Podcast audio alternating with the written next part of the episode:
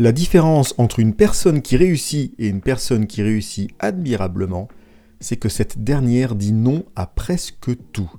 Bienvenue, vous êtes sur le podcast J'ai pas le temps pour ça, proposé par Eric Boucher. Je vous partage des trucs, des astuces, des outils et des méthodes pour être plus efficace au quotidien et terminer la journée plus tranquillement.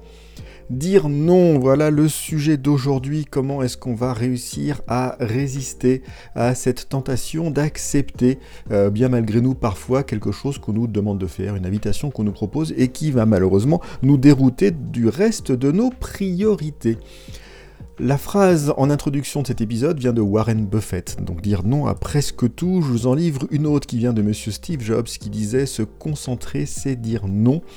C'est jamais facile et ben, on va aller piocher chez Monsieur Javier Lori qui s'occupe du site Finisher Secret et qui nous propose en fait des modèles, des idées de réponses pour permettre de refuser de manière polie et courtoise. Ça ne marchera pas toujours, mais euh, ça peut vous donner quelques idées surtout qu'il a évoqué plusieurs catégories. La première, euh, si c'est une demande concernant du travail ou des projets, première possibilité, je suis désolé, je ne peux pas mettre cela en priorité actuellement. Tous les mots sont importants. Deuxième possibilité un peu plus longue, merci d'avoir pensé à moi pour ce sujet, cependant je vais devoir décliner, je veux être certain, certaine de continuer à faire de mon mieux avec ma charge de travail actuelle et elle est déjà trop élevée pour que je puisse prendre cela tout de suite. Désolé de ne pas pouvoir vous aider plus. Voilà deux exemples pour du travail ou des projets. Un exemple sur une requête de dernière minute. Je comprends que ce projet est une priorité majeure pour vous, et si c'est absolument nécessaire que je fournisse quelque chose à cette date, je peux le faire. Cependant, si je pouvais avoir quelques jours, semaines, etc. de plus, je pourrais vraiment livrer quelque chose de meilleure qualité. Serait-il possible d'avoir un peu plus de temps?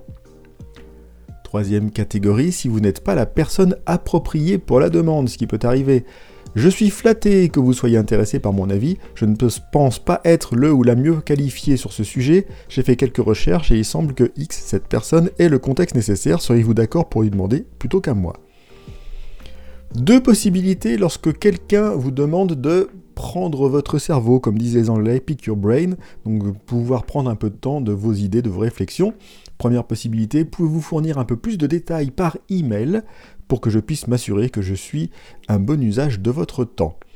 Deuxième possibilité, je réserve actuellement tout mon temps prévu pour X et Y, mais si vous répondez avec des questions spécifiques, je ferai de mon mieux pour répondre par email ou avec une vidéo Loom si je pense pouvoir être utile.